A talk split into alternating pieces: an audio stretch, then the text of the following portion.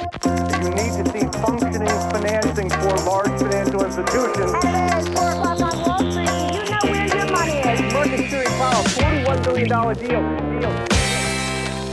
Fastighetsbolaget SBBs aktie är numera den näst mest ägda hos Avanza efter Investor. Temperaturen i fastighetssektorn var iskall 2020, glödhet 2021 och ljummen 2022. Nu är det ett år sedan SBB gästade senast varpå det är hög tid för en uppdatering. Inte minst på grund av den så kallade blankarattacken från Viceroy Research jag vet att många av er som lyssnar på det här, kanske du också är väldigt nyfiken på detta. Vi kommer in på det. SBB är ju som bekant listat på large cap, har ett marknadsvärde på strax under 70 miljarder när den här agendan skrevs. 114 906 ägare av stamaktien plus D-aktien ska faktiskt tilläggas också. Och med mig i podden har jag VD och grundare Ilja Batljan. Varmt välkommen tillbaka till podden.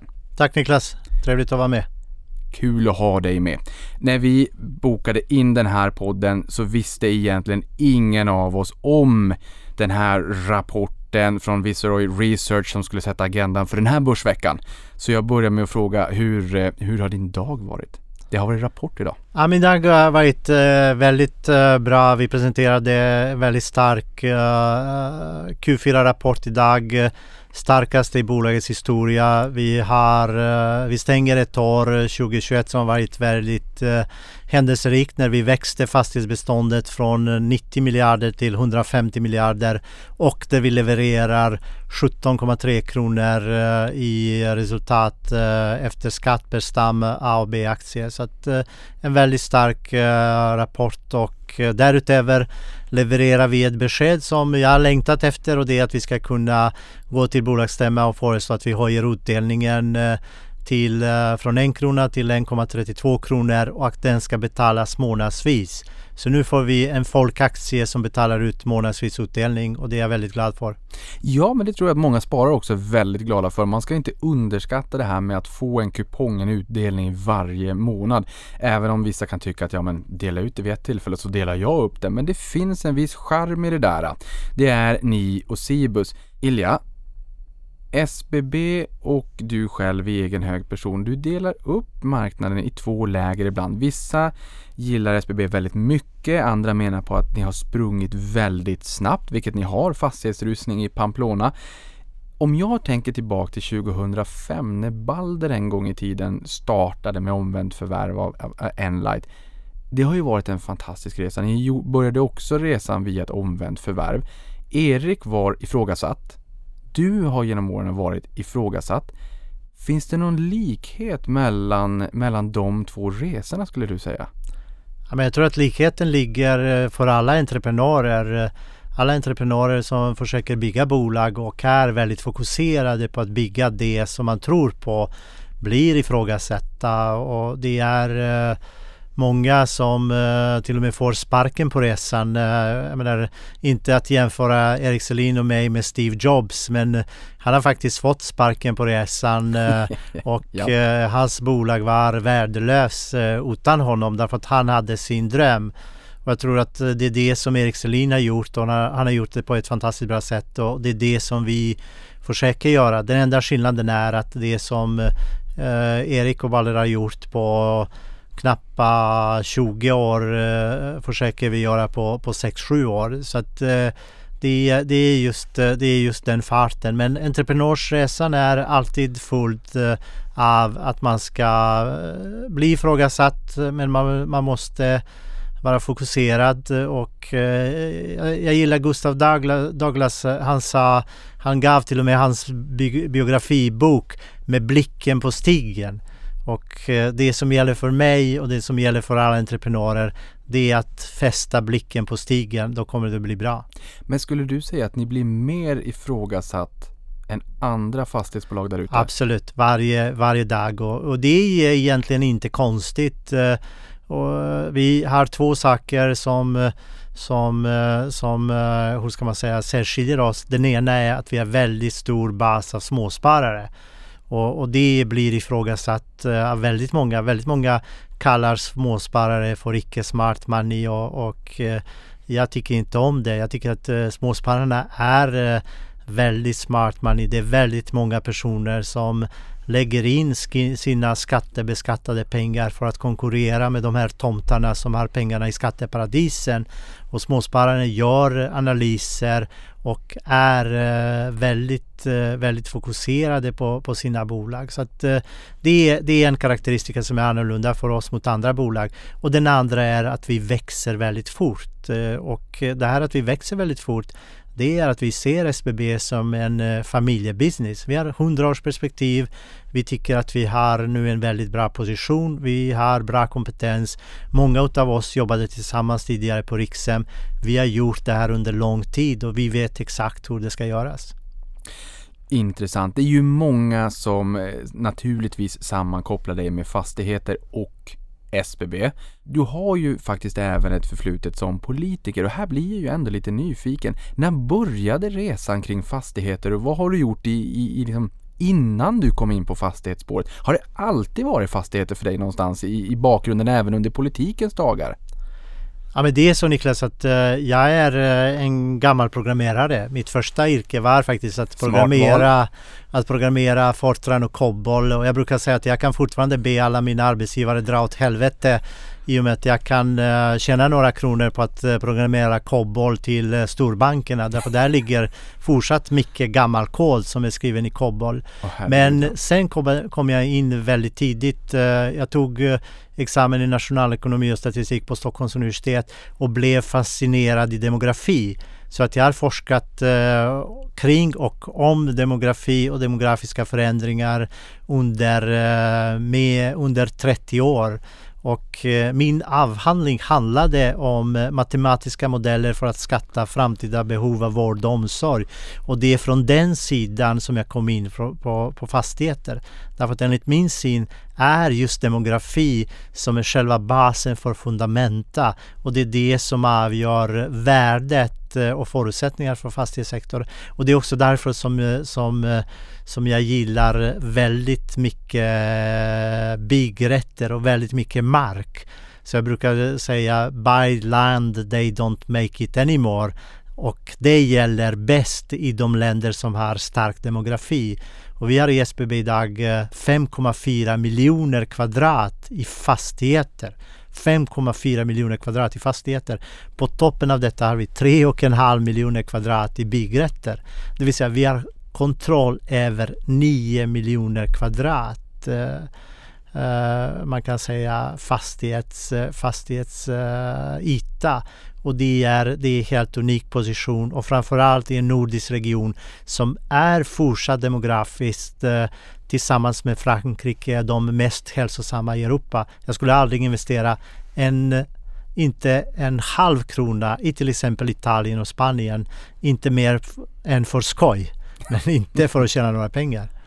Intressant. Nej, och där kan vi ju också påminna om, dels med, med marken där, nej mark, det tillverkas ju inte mark någon mer. Det försvinner ju faktiskt mark. Det för eh, havsnivån stiger ju och förväntas ju stiga över tid till och med. Ja men det försvinner mark men också i regionerna som har som har, eh, man kan säga, hälsosamma samhällssystem, som har, eh, som har en, en miljö där folk eh, vågar, vågar skaffa barn eh, och där har Norden varit väldigt eh, eh väldigt, eh, hur ska man säga, föredöme i den utvecklade världen. Svenska kvinnor har fött två barn per kvinna varje kohort sen, jag har tittat på siffror sedan 1949. Så att det är samma gäller norska kvinnor. Så att Norden har en väldigt stark naturlig befolkningsökning som inte bara är påverkas av invandringen. Invandringen påverkar förstås, men det finns också en naturlig befolkningsökning i Norden som, eh, som, eh, som bygger just på att man eh, har haft ett relativt högt barnafödande i ett europeiskt perspektiv under lång tid. Intressant också med den hedgen med Kobol för det förstår jag är en enorm huvudvärk för banksektorn i Sverige. Vi, för dig som lyssnar på det här, du kanske kommer ihåg när David Rindegren pratade om molnbolagen och hur en icke namngiven aktör på Wall Street sa att det här är en tickande bomb för det är så många banker där äh, som är totalt beroende av Kobol-utvecklarna. Det fanns i en bank två stycken och när de äh, kanske släcker ögonen eller lämnar jordelivet, äh, då sa han, då vet vi inte vad vi gör. Jag, fick, jag blev faktiskt uppringd eh, 1999. Då hade jag slutat programmera sen, eh, sen 15 år av, eh, av ett konsultbolag som jagade i, nå- innan millennieskiftet med ljus och lykta och kunde fått väldigt bra betalt. Nu är det ju ett år sedan du gästade podden senast. Då pratade vi ju naturligtvis en hel del om coronakraschen och fastighetskraschen där i. Fastighetsbolagen upplevde ju en krasch i kraschen. Eh, coronakraschen där sänkte Stockholmsbörsen 33,81% Fastighetsbolagen var ju ner 50, Pandox var ner 77,81. Ingen vill äga hotellfastigheter riktigt där och då eh, av förklarliga skäl. I fjol var temperaturen glödhet. Men hur mår sektorn just nu skulle du säga? Jag tycker att sektorn mår bra faktiskt. Fastighetsbolagen eh, i Norden eh, mår relativt sett bra nu. Det är bara att titta på rapporterna är eh, starka och eh, det är också en annan förutsättning som är eh, bra för fastighetsbolagen, det vill säga deras hyror påverkas av inflationen. Därför att många glömmer att fastigheter är faktiskt inflationshedge. Och sen, sen kan man vara olika lyckosam när det, gäller, när det gäller att man säkerställer att man får den fulla effekten. I SBB har vi fulla effekten av inflationen så att vi är en väldigt bra inflationshedge. Och eh, transaktionsmarknaden fungerar väl. Räntorna är på väg upp eh, men eh, den här gången är eh, de svenska och nordiska fastighetsbolag bättre rustade än någonsin. Jag tänker, ni har ju både bostäder och samhällsfastigheter och då, den typen av branscher, där har man ju heller inte kunnat jobba hemifrån riktigt på samma sätt. Jag pratade med en kollega tidigare idag som sa att både priser på, på kaffe på grund av misskördar i Brasilien men även bananerna, de har stigit så jättemycket. Så nu, det pushar tillbaka svenska folket till arbetsplatserna så vi kan döda diskussionen om, om, om kontorsdöden för kaffet är för dyrt. Alla vallfärdar tillbaka till kontoret. Men, men hur ser hur ser konkurrensbilden ut på, på marknaden i stort nu då? Nej, men nu, nu är det en hel del, nu är det fortsatt eh, rätt många utländska aktörer som jagar just eh, bostäder och samhällsfastigheter. Så att eh, det, det har varit väldigt, eh, det var eh, i slutet på förra året där Allians gick in som delägare i Heimstaden. Eh, vi, vi ser just nu att ett antal eh, europeiska aktörer budar på ett, eh, på ett bostadsbestånd till, eh, till väldigt höga kvadratmeterpriser. Så att, så att den marknaden är väldigt aktiv. Och, och man ska veta också Niklas att du vet SBB var det enda fastighetsbolaget i Europa som hade 100% rent collection under 2020 och 2021 vilket är unikt i och med vår exponering mot bostäder och samhällsfastigheter. Men nu är det många som ser att, eh, att eh, också kontorsmarknaden kan komma att återhämta sig. Så jag tror att vi kommer att se större transaktionsaktivitet under året också på kontorsmarknaden. Men alltså fler aktörer utländska som ändå är inne i den svenska marknaden Absolut. och konkurrerar med er. Absolut. Jag har haft Knut Ross på Diös här tidigare också, norrlänning som jag är, eller norrbottning ska till och med tilläggas. De behöver ju jättemycket människor för, för den enorma satsningen på över 1070 miljarder som sägs ska göras i Norrland. Hur påverkar det här de samhällsfastigheterna som ni har norröver? Det blir stor efterfrågan och det är inte, det är inte att sägs att det ska göras utan det är redan gjorts. Eh, Niklas, vi är i Skellefteå. Jag tror att vi bygger just nu uppemot tusen bostäder och det finns inga bostäder att få i Skellefteå. Priserna har stuckit iväg. Det är väldigt stor efterfrågan och eh, det finns väldigt goda förutsättningar eh, både för, eh, för Diös men också för vår verksamhet i, i vår, vår region norr. Och det här är också en viktig fråga att det ska finnas stora fastighetsbolag i Sverige som kan ställa upp när samhället industrialiseras. Därför att utan bostäder blir det inte några anställda. Utan anställda kommer de här investeringarna inte kunna göras. Så att vi och andra fastighetsbolag som fokuserar på bostäder och samhällsfastigheter, vi är faktiskt en förutsättning för att tillväxten ska komma till norr. Tyvärr är det många i Stockholm som tror fortfarande att, eh, att Sverige slutar med Uppsala. Men eh, jag kan avslöja för dem att eh, norr växer och det växer med full kraft. Och det finns väldigt mycket att göra där. Jag kan säga att jag tankar bilen full och sen måste jag tanka en gång till innan jag är hemma. Så att ja, Sverige är högre upp än Uppsala. Men, men innebär det här om vi delar upp Sverige på norra Sverige, Mellansverige och södra Sverige. Är det extra intressant med norra Sverige just nu eller tänker ni så alls? Nej, vi tänker inte på det sättet. Vi, vi är en stor aktör. det blir per definition att eh, uh, den största delen av våra värden kommer att ligga och ligger redan idag i Stockholm, i Oslo, i Helsingfors eh, och andra, andra stora universitetsstäder. Däremot eh, det som är spännande det är att vi kan med våra muskler till exempel hjälpa till i Skellefteå. Att vi kan till exempel göra och hjälpa till eh, och göra ett bra jobb i Boden. Och vi håller på just nu och tittar på att eh, bygga bostäder i Kiruna därför att de behövs väldigt mycket. Och eh, jag har faktiskt eh, åkt eh, de norrländska vägarna ett ant både på bredden och på tvären. Och jag var senast eh, och eh, körde, körde dit hela vägen eh, från eh, Luleå och Kiruna med, med väldigt fart för att se till att vi tar ett spadtag för det nya polishuset i Kiruna. Så att, eh, så att jag, gillar, jag gillar Norrland och jag gillar den entusiasm och den fokus på industrialisering som just nu finns i Norrland och som är otroligt viktig för Sverige. Därför det är där som vi ser en väldigt stark tillväxt eh, de närmaste åren. Spännande. I veckan blev ni föremål för en så kallad blankarattack från Viceroy Research. Bolaget har släppt en 26-sidig rapport som i rätt hårda ordalag framför kritik på ett flertal punkter såsom ägarstyrning, transaktioner, värdering och finansiering. De menar att aktien är värd någonstans 10 till 15 kronor och påstår att SBB är ett av de mest övervärderade fastighetsbolagen som finns. De tar ifrån torna. Det här fick aktien att backa 12,7% som mest den dagen och därifrån botten då så rusade den 34% från intradags lägsta, det vill säga en, en rätt rejäl rörelse under dagen. Kommentar? Det är självklart att eh, kriminella personer kan eh, ibland eh, försöka manipulera marknaden och det är det som vi misstänker har hänt, eh, hänt också här.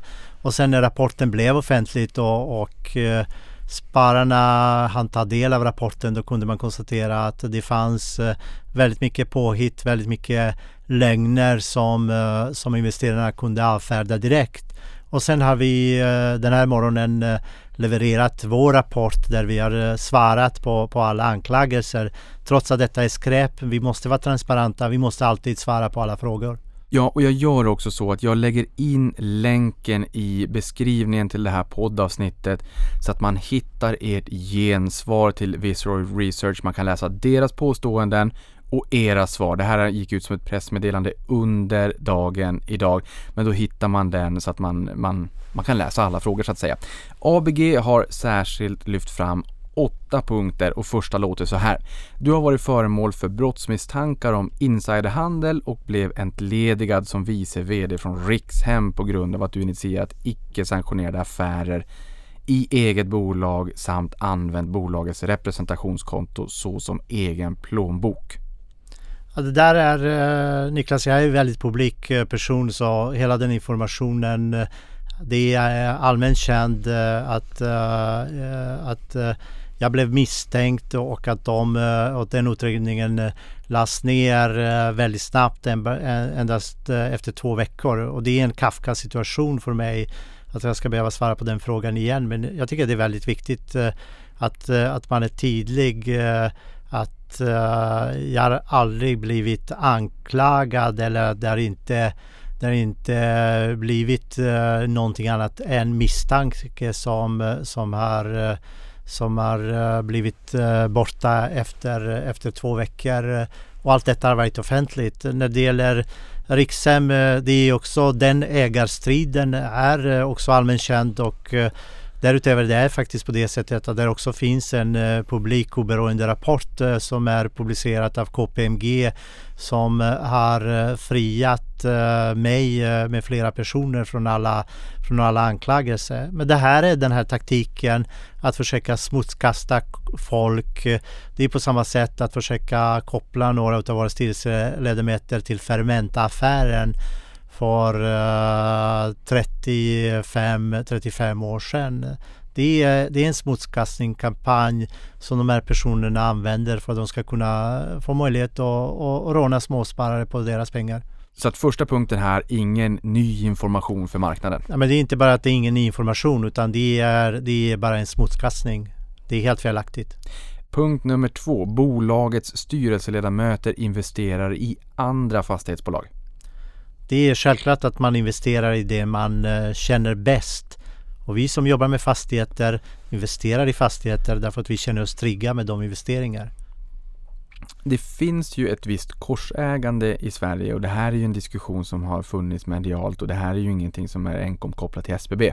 Utan jag kan tänka mig, jag brukar säga att finansbranschen är en liten ankdamm, fastighetsbranschen är nog en liten ankdamm också. Det är mycket korsägande. Ibland så har man lyft upp det här i media som att kan det här vara en utmaning? V vad säger du där? Nej, men jag tycker det är otroligt viktigt att man... Eh, jag sitter inte i, i någon styrelse till något bolag eh, överhuvudtaget eh, utanför, utanför SB, SBB som skulle kunna uppfattas som konkurrent. Eh, och det är det viktigaste. Eh, att, att, man är, att man är väldigt, väldigt klar med, med den rågången. Sen är det så att man måste förstå att fastighetsbranschen har olika segment. Alltså vi är i det segmentet som är hyresrätter och äldreboende. Vi har en total annorlunda verksamhet än, än någon som äger kontor i Stockholm. Så att eh, jag tror att eh, väldigt mycket av den här diskussionen är viktigt också att titta djupare och se hur eh, investeringar ser ut i olika, i olika segment.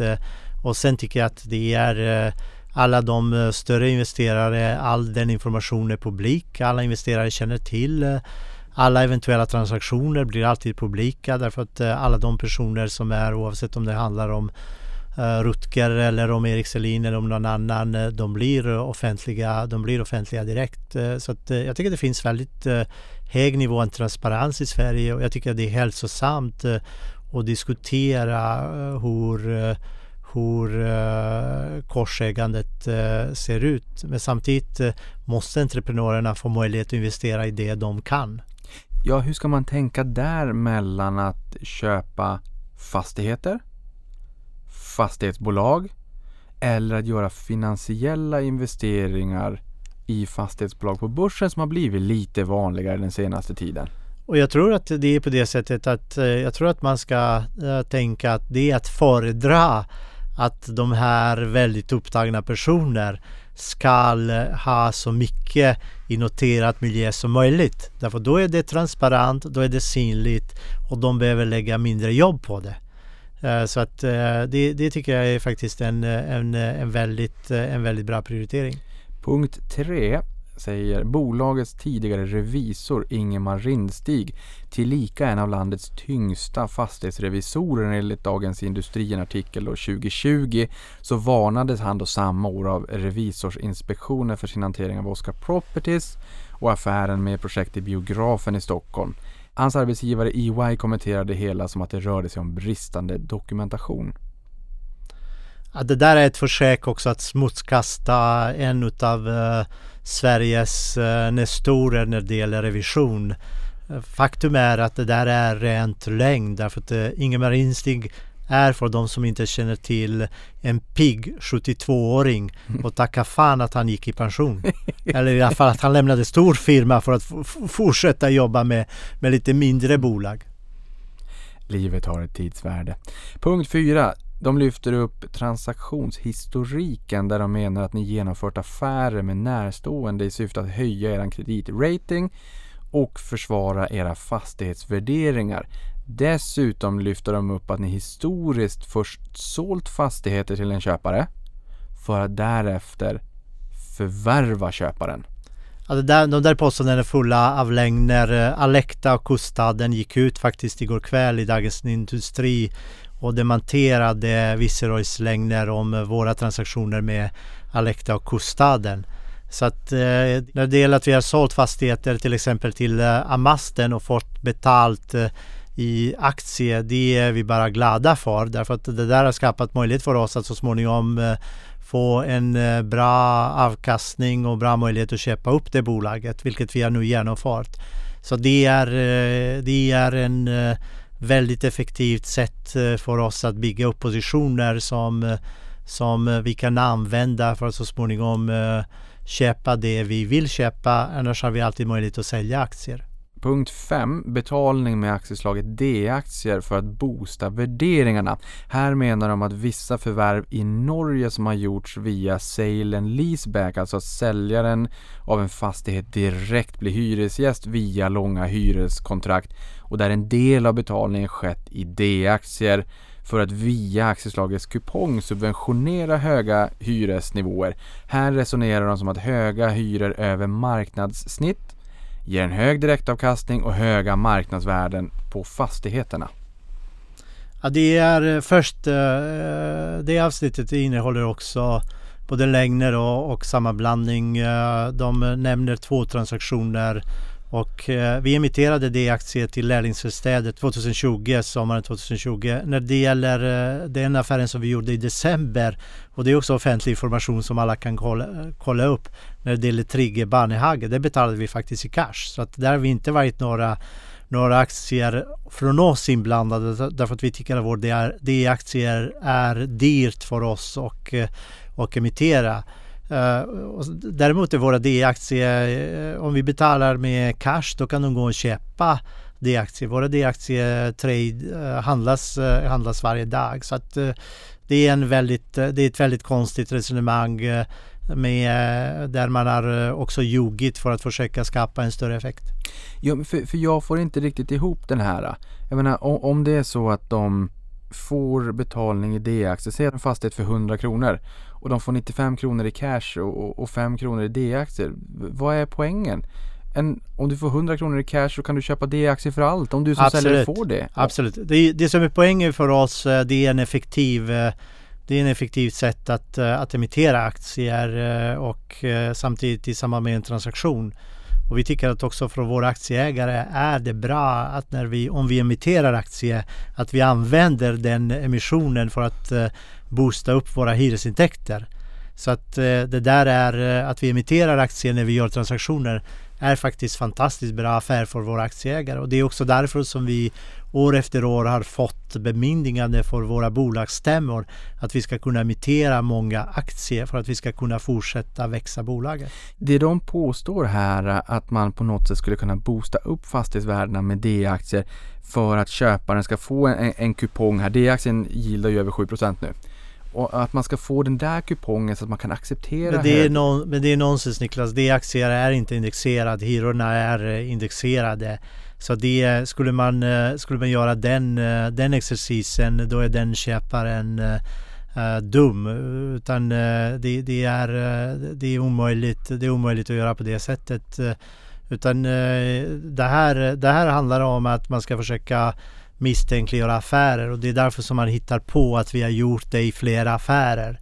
Trots att vi inte har gjort, vi genomförde den senaste affären i december och då valde vi, det vill säga vårt val, aktiva val var att inte emittera några aktier överhuvudtaget. Eh, framförallt inte några D-aktier därför att vi tycker att våra D-aktier är dyra för bolaget just nu. Ja, och vi ska lämna den här punkten. Men, men det är ju bara att om en fastighet är värd 100 kronor så kan ni betala 100 kronor kontant. Men om den här säljaren, säg att, ponera att man vill få upp hyrorna för att man vill få upp eh, direktavkastningen, man vill få upp värderingen på fastigheten. Då vill man ju som säljare, ja men då vill jag ha 100 kronor kontant och sen vill jag ha ytterligare 5% i D-aktier där kupongen subventionera den, jo, den höjda jo, jo. hyran men, som jag accepterar. Du ser, men du ser Niklas, det är, det är omöjligt att bygga den resonemang för, ja, det är det jag för, känner. normal, för en normal funtad person och, och, det är därför som det krävs att man ska ljuga om andra saker för att man ska försöka bygga upp en case. Därför att om vi gör det i, i en transaktion då undrar normalt funtande människorna om det där är en bra affär, varför har vi inte gjort det i en annan? Mm. Och det är det som de har försökt ljuga ihop, att vi har gjort det i båda transaktioner för att deras story ska hänga ihop. Eh, så att det, det, är bara ren, eh, det är bara rent lögn och påhitt. Och, och varför gjordes det i den affären 2020 då? Vad, vad var liksom fördelen i just den transaktionen? Ja, det, fördelen eh, då för oss var att, att vi ville emittera D-aktier för att, för att fortsätta. Vår B-aktie handlades på en relativt låg nivå. Jag tror att kursen låg någonstans kring eh, 24-25 kronor och då tyckte vi att det var effektivt för bolaget att emittera D-aktier. Så att för oss är alltid, vi jobbar med, vi ska ta hand om våra aktieägare som våra småsparares eh, pengar och då måste vi alltid jobba med kapitalstrukturen. Vi ska använda kapitalet det är därför som vi har hybrider, det är därför som vi har D-aktie, det är därför som vi tidigare hade preferensaktie och sen har vi stam A och B-aktie. Det vill säga, vi ska använda den bästa mixen av kapitalet för våra aktieägare. Det är vårt jobb. Just det. Punkt nummer sex, där menar de att eftersom era hyresintäkter från bostäder är föremål för hyresreglering och intäkterna från den kommersiella delen är kopplad till KPI eller då inflationen så menar de att all värdestegring på fastigheterna senaste åren kommer från förvärv och uppvärderingar på 50% efter förvärv och att det är alldeles för högt.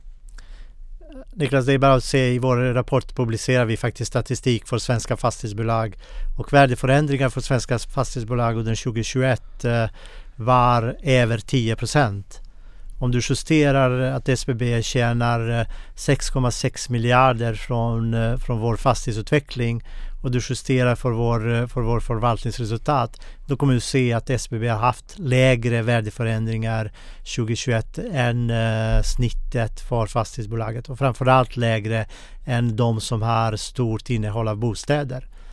Anledningen varför värdeförändringar för alla fastighetsbolag var höga under 2021 det var två saker. Den ena, den ena var att räntorna var låga och att folk såg att inflationen började stiga. Och det är den perfekta miljön för fastighetsbolag. Låga räntor, hög inflation, då får du fantastiskt, fantastisk värdeutveckling. Tittar man på våra gilder och jämför med våra tyska vänner.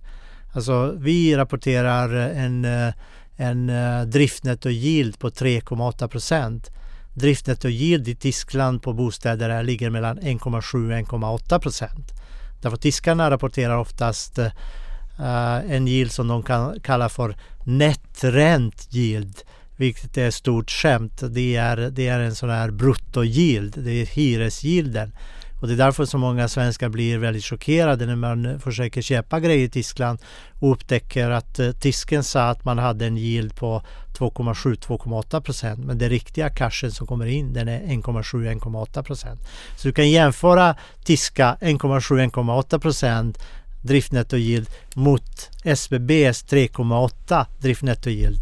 Tacka fan att vi kommer inte investera i år i Tyskland när, eh, när det är så pass stor skillnad tyskarna får komma till Sverige istället och köpa och trycka och där, de, där har de redan kommit. Mm. Eh, det är därför som de har gjort eh, stora, stora köp eh, och, och det är också därför som vi tycker att det är väldigt, det är väldigt dyrt i Tyskland och det är därför också som vi uttryckte tidigare i morse i kolet att nu har vi en stark fokus på att leverera en organisk tillväxt i SBB för att fortsätta ta ner eh, vår belåningsgrad för att uppnå en BBB-plus-rating. Därför att eh, vi levererar en eh, like for like tillväxt eh, från eh, våra hyresintäkter på 1,8 procent eh, vilket är 145 punkter högre än inflationen året innan. När det gäller driftnetto levererar vi like på like på 4,7 procent 2021 och vi ser eh, nu att vi kommer att landa någonstans mellan 3,5 och 4 procent 2022. Så det är en väldigt stark eh, hyrestillväxt som kommer också att leda till värdetillväxt. Mm. Och jag tänker där någonstans också, men du sa att det här är ett bra läge för fastighetsbolag. Det är mumma när inflationen börjar ta vid och man kan justera upp hyrorna både för bostäder med, med den hyresreglering vi har. Men även för den kommersiella delen som är kopplad till inflationen. Samtidigt som ni har ju låst in räntekostnaden, både räntebindning och kapitalbindning mm. under lång tid. Eh, och jag menar, jag antar om gilden är så pass låg ner på kontinenten att de blir intresserade av att komma hit och då, då konkurrerar de Absolut. ju och trycker ner gilden Absolut. ännu mer. Och de är redan här. Niklas, det är och, och, det är, eh, jag vet inte om, om du har följt, men eh, Allians som är stor europeisk investerare köpte in sig i Heimstaden här eh, i, i slutet på året. Vi har nu en affär med bostäder i Sverige där det är ett antal utländska aktörer som är med och bjuder och där vi, vi förväntar oss att priset blir rätt höga kvadratmeterpriser. Så det är exakt den ekvationen de gör. Det finns ingen tillväxt i Europa och eh, då kommer vi att se ännu mer trick, framförallt på trygga tillgångar på gilder i Sverige. Och det är det som Newsec skrev i sin eh, rapport eh, bara för, för en vecka sedan. Ja, för, för det jag tänker där också. Inflationen, ja den har stigit men, men, och finansieringskostnaden, räntan har också stigit men inte lika mycket. Vi har ju negativ realränta och, och på börsen, vi pratar ju om TINA, there is no alternative. Och nu kanske det finns alternativ. Eller inte i och med att vi just har den här negativa realräntan. Innebär att det är liksom tyska pensionspengar då som hellre kommer och köper fastigheter i Sverige än, än att köpa Absolut. Det är det de gör idag. Och det lär ju bestå, för jag menar man vill ju inte, ja du får rätta mig här om jag har fel men det, det, jag tycker att det är en utmaning med placeringsmandat där du ska ha en viss antal, en viss andel i räntebärande placeringar Mm. som knappt Mm. gillar någonting trots att Mm. vi har sett en uppgång på räntemarknaden. Mm. Ser du att mer pensionskapital både i Sverige men även nere på kontinenten rör sig än mer mot tillgångslaget fastigheter? Absolut. Och, och redan förra året eh, till exempel Alecta annonserade att de kommer att investera mer i fastigheter och vi ser som sagt eh, eh, vi pratar om Allians som är en av större europeiska investerare. Vi ser nu, jag tror att det är fyra eller fem utländska bolag som just nu bjuder i en transaktion som pågår och som kommer att landa i rätt höga kvadratmeterpriser för, för svenska hyresrätter. Så att eh, jag tror faktiskt att vi kommer att se mer av den typen, mer av den typen av aktörer. Och, och det, där, det där tycker jag är bra. Det som jag tycker är bekymmersamt att vi också ser fler private equity-bolagen som, eh, som eh, kommer från skatteparadis och som inte skattar i Sverige. Och eh, jag tycker det är oschysst konkurrens och det, det är en fråga som vi lyfter upp i vår vår diskussion när det gäller, när det gäller eh, hållbarhet. Eh, det är otroligt viktigt att syna de här strömningarna där private equity-bolagen eh, har väldigt mycket och tar in väldigt mycket pensionspengar via skatteparadis och den vägen sen till svensk fastighetsmarknad. Det är både problem för, för svenska samhället därför det är ingen jävel som betalar skatt och det är också problem för för oss eh, där våra ägare betalar och skattar i Sverige. Punkt 7 säger de, de är oroliga för att ni klassar era hybridlån som eget kapital och därmed får en konstlat låg belåningsgrad jämfört med om ni använt er av säkerställd upplåning. Ja, men det är också hybrid eh, är eh, för de som inte känner till det är eviga obligationer som man kan välja att betala tillbaka efter ett antal år. Man är aldrig tvingad att, vä- att tillbaka, välja till, man är aldrig tvingad att betala dem.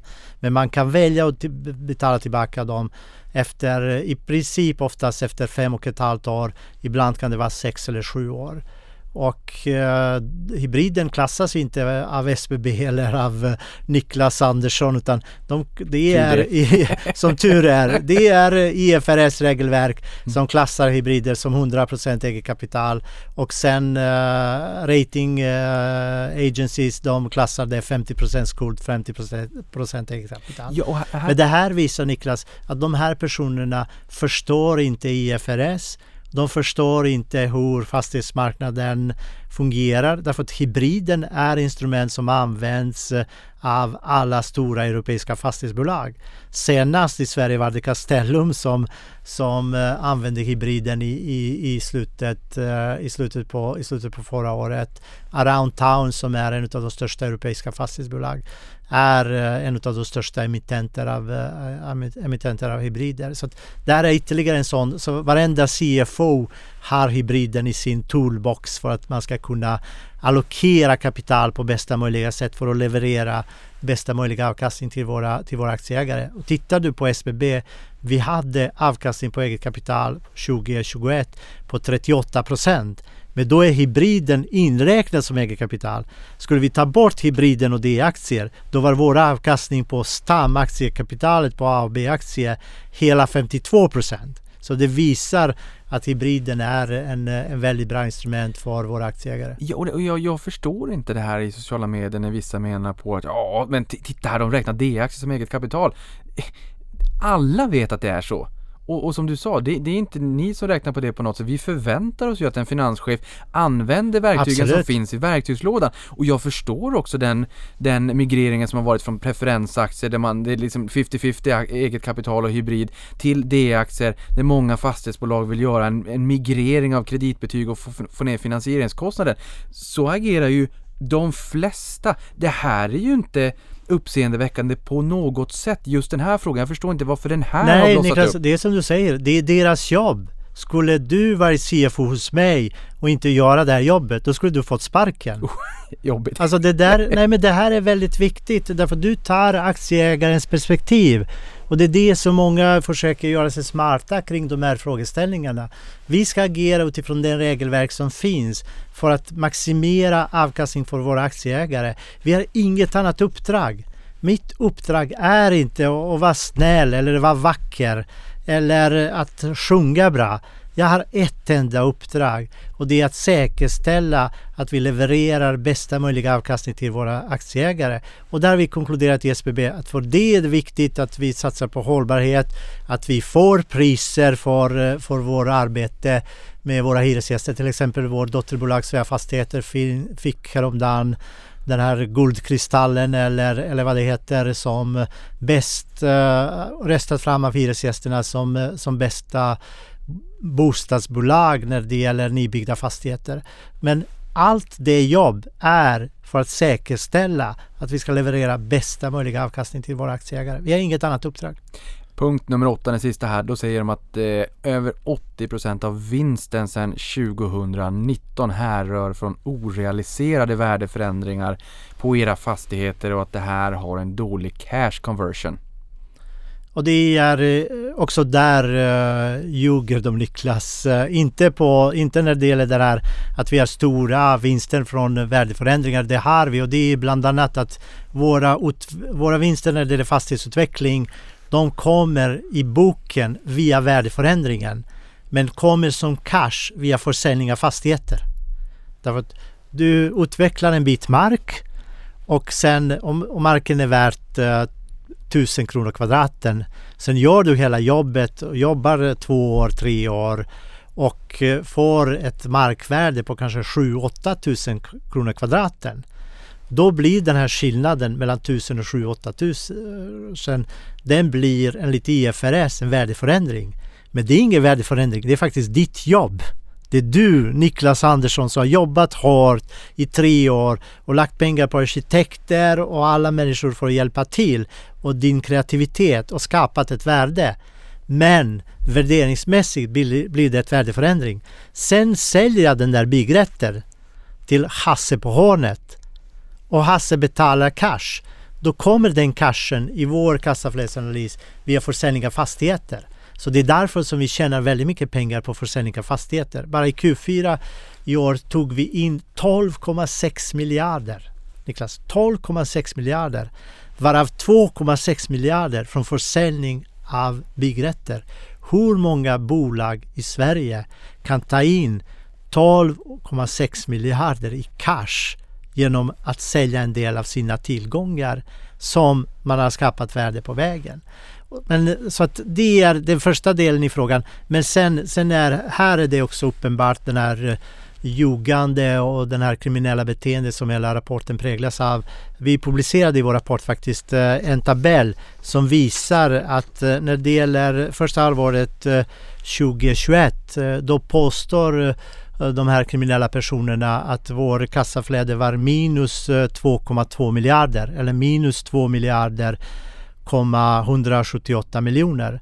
I praktiken, eh, eller eh, det som vi eh, har levererat och det som vi har redovisat hade vi en positiv kassaflöde med 3 miljarder 418 miljoner. Så att skillnaden är 5,5 miljarder. Så de ljuger inte lite, de ljuger ordentligt när de ljuger. 5,5 miljarder. Och, och, och vad, är, vad är det som gör att de trillar på näsan? Nej men det är, de trillar inte på näsan. De här människorna det är en del av en kriminell konspiration. De har blivit uh, stämda i andra länder. De har fått betala, de har fått betala böter men eh, de tjänar väldigt mycket pengar på att uh, genom kriminell konspiration eh, råna svenska småsparare. Och det är det de har gjort eh, de senaste månaderna enligt de indikationer som, som vi har när, när man blankat 120-140 miljoner aktier utan att någon har flaggat för det. Det är en av de största skandalerna på svensk, eh, svensk aktiemarknad. Och det är väldigt stora förluster som detta har lett för småspararna. Och, och där, jag menar i Sverige så behöver du ju flagga upp om det är så att du har blankat mer än 0,5% av kapitalet. Hur, hur, många aktier i, i SBB rör det sig om tills man kommer upp till den här 0,5 det är, sex, det är cirka, det är drygt 6 miljoner aktier. Så att om du tar 140 genom 6 Niklas, du kommer snabbt att landa att det krävs att det är fler än 20 personer som måste jobba tillsammans eller fler än 20 firmor eller oavsett vilken paraply de har. Jag såg idag också att eh, en av de här bolagen försvann från blankningslista. De, de säkert läker med kursen men jag, det där är ett jobb och det där är viktigt Niklas. Jag har inte velat prata med dig om de här frågorna men jag pratar på grund av transparens. Därför det här är inte mitt jobb.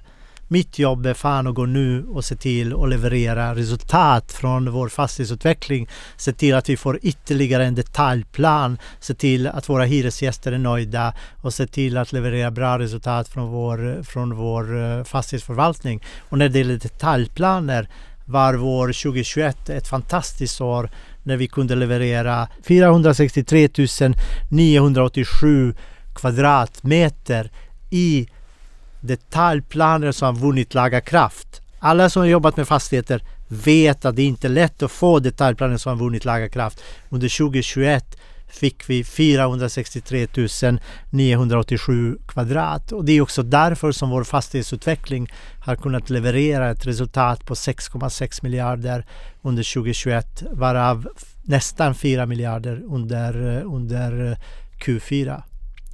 Ja, och, och, här eh, så vet ju jag att eh, det, här har rönt intresse både hos Ekobrottsmyndigheten likväl som att ni har uppmanat Finansinspektionen att kolla på det här. Vad tror ni att ni kommer få ut av det? Ja, men vi tror, eh, vi, det där är myndigheternas jobb. Vårt jobb är att fortsätta driva bolaget. Men vi tror att det är någon som måste stå upp för småsparare. Vi har väldigt många småsparare vi måste, vi måste stå upp och säga ifrån. Och sen får myndigheterna göra sitt jobb. Men vi tycker att eh, det är förskräckligt att kriminella personer ska kunna råna småsparare på det här sättet. Och, och eh, jag tror att eh, det enda sättet är att myndigheterna gör sitt jobb och sen fortsätter vi driva bolaget, utveckla vår verksamhet och leverera bästa möjliga avkastning till våra aktieägare. Och det har vi varit väldigt lyckosamma under 2021 där vi har levererat ett resultat på 17,3 kronor per aktie. Nu på morgonen så har ju ni släppt ett tio sidor långt gensvar till Viceroy Research. Alltså det som jag sa att jag skulle länka i beskrivningen till det här poddavsnittet. Där ni besvarar samtliga påståenden. Nu har vi pratat om åtta punkter. Men där besvarar ni rubb och stubb. Är det någonting jag har missat i de nej, punkterna vi Nej, du har inte missat någonting. Däremot är vi väldigt noggranna och vi kommer inte Uh, du vet de här kriminella personer de kommer att skicka olika påståenden i stort sett varje dag. Men vi, vi har besvarat alla frågor. Våra internationella investerare har varit väldigt nöjda idag. Jag har fått uh, ett antal mail som hyllar vår transparens. Och vi kommer inte göra någonting. Vi gjorde det också tillsammans med med Vinge som eh, också eh, var oss behjälplig när det gäller att upprätta anmälan till Finansinspektionen. Och eh, vi kommer inte att lägga mer, mer krut på det utan vi anser att det här är myndigheternas jobb att eh, fortsätta det arbetet. Vi ska fortsätta fokusera på det som eh, vi har varit väldigt lyckosamma under eh, 2021 till exempel att höja vår intjäningsförmåga Eh, med eh, 85 procent. Eh, vi levererar också en prognos att vi under 2022 ska leverera ett resultat per stam eh, A och B-aktie på 8,10 kronor. Det är väldigt, det är en väldigt stark guidning och vi har också en intjäningsförmåga som visar att vi har hyresintäkter på 7 miljarder varav eh, hälften av hyresintäkterna kommer från bostadsfastigheter, 28 procent kommer från utbildningsfastigheter. väldigt trygga tillgångar med väldigt långa avtal. Vår snittkontraktslängd är 11 år och du nämnde räntorna tidigare Niklas. Då är det bra att veta att vi förväntar oss att våra hyresökningar under eh, 2022 landar på cirka 300, 300 miljoner. Och då kan du jämföra det att våra, våra nettoräntekostnader är kring eh, 850-900 miljoner. Så att på ett år täcker vi en tredjedel av vår totala räntekostnad. Så det ger dig en bild av eh, kombinerat också med att våra långa och stora europeiska bonds är med, med fast ränta och eh, en lång eh, ränte och kapitalbindning. Det ger dig den basen där inflation och relativt låga räntor skapar en fantastiskt bra potential för eh, att fortsätta leverera bra resultat och skapa värde för våra aktieägare. Är det någon av de här punkterna som ni har läst där ni kan känna att, att ni kan bli lite bättre? Vi kommer alltid att jobba på att bli bättre och det är inte på grund eh, av kriminella personer utan eh, vi måste göra det varje dag och eh, vi gör förbättringar hela tiden. Vissa menar ju att SBB är ett finansiellt bygge där ni köper en fastighet varpå värdet stiger rejält därefter. Jag är lite nyfiken på hur SBB skapar värde egentligen och hard cash. Och själv sitter jag i styrelsen för en bostadsrättsförening som äger 5% av Lidingö centrum. Vi är en lekmannamässig styrelse som inte har orken eller modet kanske att höja upp en hyresgäst till en till en marknadsnivå för att vi vill inte stå med en vakans. Vi vågar nog kanske inte riktigt. För att hade vi varit en stark aktör, då hade man gjort det. Och om vi säljer till det direktavkastningskravet som en potentiell köpare har idag så får vi en peng. Men om vi höjer upp till marknadsnivå så får vi en rejält mycket högre peng. Jag utan, att, att lova, utan att lova för mycket Niklas, eh, jag kan garantera att vi kan leverera minst 20% mer. Och det här är väldigt bra case eh, för att följa upp. Mm. Därför du har redan fått ett pris, eh, bostadsrättsföreningen och, och eh, vi känner oss väldigt trygga att vi skulle kunna leverera minst 20 procent extra. Och det är både tack vare vår styrka men det är också tack vare, att vi, tack vare vår finansiella styrka. Men framförallt är det tack vare att vi är 400 medarbetare. Vi har hela infrastruktur med konsulter, med rådgivare. Vi kan göra detta innan du har hunnit till Lidingö centrum. Vi är nu i Östermalm. Vi kan agera innan du hunnit, eh, innan du hunnit eh, ta, ta, bussen, eh, ta bussen dit. Och, det, visar, det visar det som är väldigt viktigt därför att många ser fastigheter som en finansiell spel. Fastigheter är faktiskt långsiktigt en fundamental, fundamentell och operationell spel. Fundamental utifrån demografin och operationell att man ska ha de bästa människorna som tar hand om fastigheterna. I mean, uh, vår bästa affär i SBBs historia är att vi har köpt Hemfosa och inte på grund av fastigheterna utan det är på grund av fastighetsförvaltningen. Annika Ekström som är chef för, och vår vice VD, chef för fastighetsförvaltningen i Hemfosa är Sveriges bästa fastighetsförvaltare. Hon gör ett fantastiskt jobb och skapar värde för eh, våra aktieägare varje, varje dag. Ja, för, för det är det här jag tycker är så intressant. Jag menar, här kan jag ju gå tillbaka till mig själv. Vi, vi, vi har inte kompetensen ni är en stark organisation som har den kompetensen.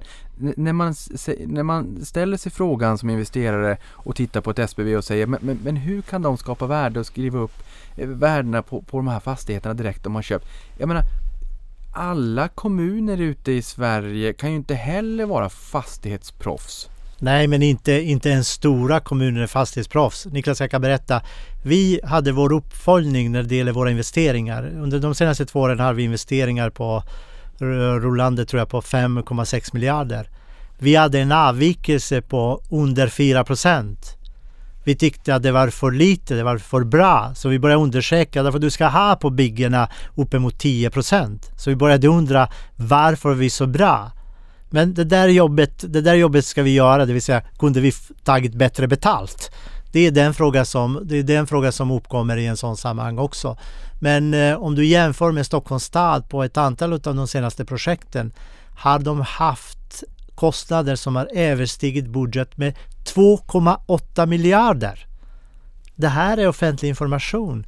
Det är bara att jämföra. Kompetens, storlek, möjligheten att attrahera kompetent personal men också marknadskrafter. Det är därför som marknadsekonomi är suverän över alla andra system. Därför att man säkerställer att kapital allokeras till de mest kompetenta medarbetarna. Ja, för, för ta mig här återigen som exempel, som en soffpotatis. När ni har köpt en fastighet av mig, vad, vad, vad är det första ni gör då för att skapa och lyfta ut värde ur den affären? Innan, Niklas, vi börjar innan vi har köpt det från dig. Om du äger en fastighet innan, innan vi har köpt det, då har vi skickat vår fastighetsutvecklingsfolk som har skannat om det finns några byggrätter som du inte har sett på din fastighet. Vi har skannat om det finns några vindar. Vi har skannat om eh, det finns några parkeringar. Vi har skannat om det finns några garagelängor som är totalt värdelösa men som bostadsmark skulle Alltså på Rikshem tjänade vi miljarder på att omvandla parkeringar till byggrätter i Gränby. Vi har byggt en hel stadsdel på parkeringar. Så att vi gör hela det jobbet. Vår förvaltning är ute och börjar fundera. Hur kan vi, vad kan vi göra när det gäller isolering? Vad kan vi göra när det gäller solceller? Vad kan vi göra när det gäller återvinning av avloppsvatten? Våra transaktionsmänniskor är redan där och kollar om vi köper från Niklas från Y då kanske hans granne på X kommer vilja ha mer betalt. Vi kanske ska komma överens med Niklas och köpa på Y, men vi köper grannen på X innan dess. Då har vi en större tom, större fastighet. Så det är det här som kräver team, det är det här som kräver hårt arbete och det är det här som kräver långsiktighet. Och på toppen av detta får vi bättre finansiering än dig. Vi får alla dagar i veckan bättre finansiering än dig och vi får fortsatt alla dagar i veckan bättre finansiering än din bostadsrättsförening. Förbaskat. Det är så det är. det är så det är. Viceroy menar att de kommer att fortsätta släppa rapporter om er och menar att det finns häpnadsväckande saker på gång som företaget inte kommer att kunna förklara. Ilja, finns det saker som ni inte kommer att kunna förklara? Det finns inga saker som vi inte kommer att kunna förklara men vi kommer inte förklara någonting mer för Viceroy. Det är myndighetens jobb att hantera kriminella personer. Däremot eh, kan jag lova att vi kommer att fortsätta fokusera att leverera bra aktieägarvärde till våra aktieägare. Och jag hoppas också att vi kan eh, ordna en eh, dunderstämma den 27 april och jag hoppas att vi får plats allihopa på annexet i Globen. Så jag ser fram emot att träffa så många som möjligt. Tills dess måste jag hitta på någon snygg tröja med SBB-logga eller någon mugg. Niklas, vi skulle kunna ha en tävling så att folk föreslår vilka merchandise vi skulle kunna ha på vår bolagsstämma. Det vore kul. Det vore kul, men lova inte för mycket för jag vet att Twitter-crowden, jag vet att småspararna där ute är galna i merch. Så att du är uppviglare till det. Och jag vill gärna ha förslag därför att uh, jag, ser, jag, ser verkligen, jag ser verkligen fram emot uh, och på tal om transparensen på vår bolagsstämma kommer vi att radda upp hela vår bolagsledning så att aktieägarna kan ställa vilken fråga de vill. Allt från skonummer till eh, vad de vill veta om fastigheter eller om det är någonting annat som de vill veta om vår verksamhet. Vi behöver ingen annan för att visa transparens utan vi ska stå tillsammans och svara till våra aktieägare direkt. Och jag ser fram emot att träffa så många som möjligt 27 april eh, i Annexet i Globen och eh, vi ska säkerställa, säkerställa att vi bjuder både på lunch och förhoppningsvis middag också. Ja, då kvalar ni in som de här stämmorna där stämmoturismen inser, där de vet att det är god fika och middag, då, då lockar det väldigt många besökare. Det kommer att bli lunch, god fika, det kommer väldigt mycket diskussioner bland annat om makroutvecklingen, om räntor.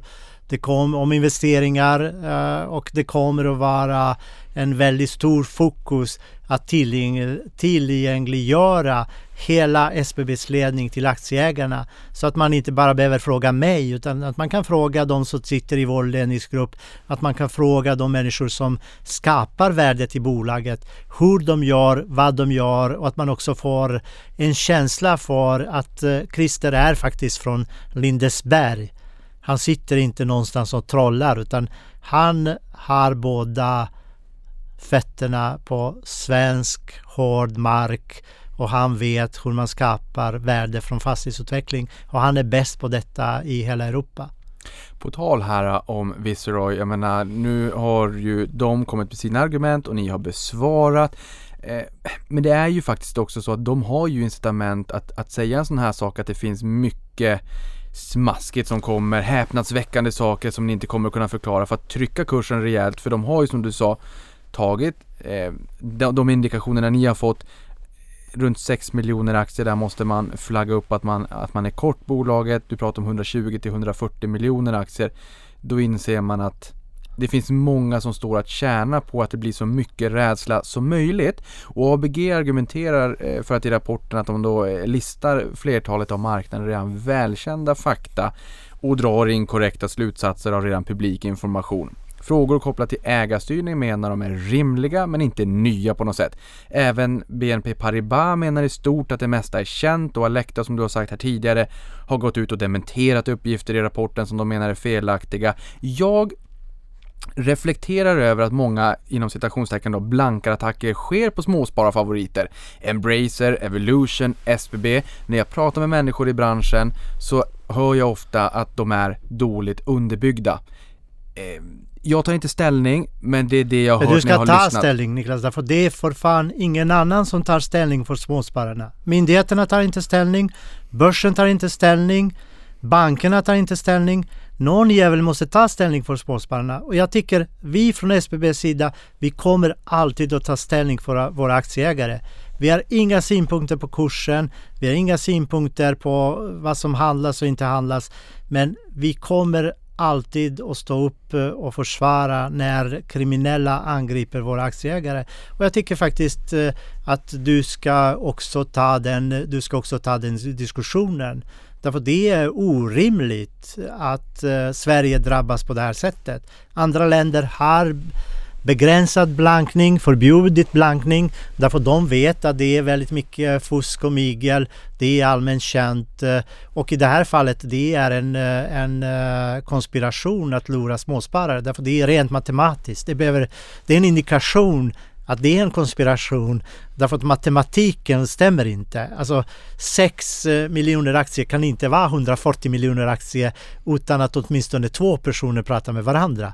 Och helst krävs det mer än 20 personer som pratar med varandra. Dessutom är den här, eh, dessutom är den här, eh, den här personen den här kriminella personen, han har faktiskt skritit om detta i direkt så det finns, eh, det finns säkert på band eh, på Nyhetsbyrå Direkt som man kan, som man kan följa upp detta. Ja, men och det, det är ju det här som gör mig oroad när, som du säger, om det, om det krävs omkring 6 miljoner aktier för att börja, behöva flagga upp och, och som sagt indikationen du har då 120-140 miljoner aktier. Då inser man att det här är ju ett nätverk och det är väldigt många som står att tjäna på att små, småspararna blir så rädda som möjligt, trycker kursen så mycket som möjligt. Och vi har sett det här i många bolag och det är ofta bolag som är småspararfavoriter och det här gör mig oroad. Det för, som småsparare så vet man inte hur man ska tänka, hur man ska förhålla sig till det här. Men du ska inte vara oroad för, för SBB. Vi, vi, uh, vi har en stark ägarbas. Men det är ju utan småspararna. Ja men vi, men vi kommer att visa, vi kommer att visa med eget exempel. Uh,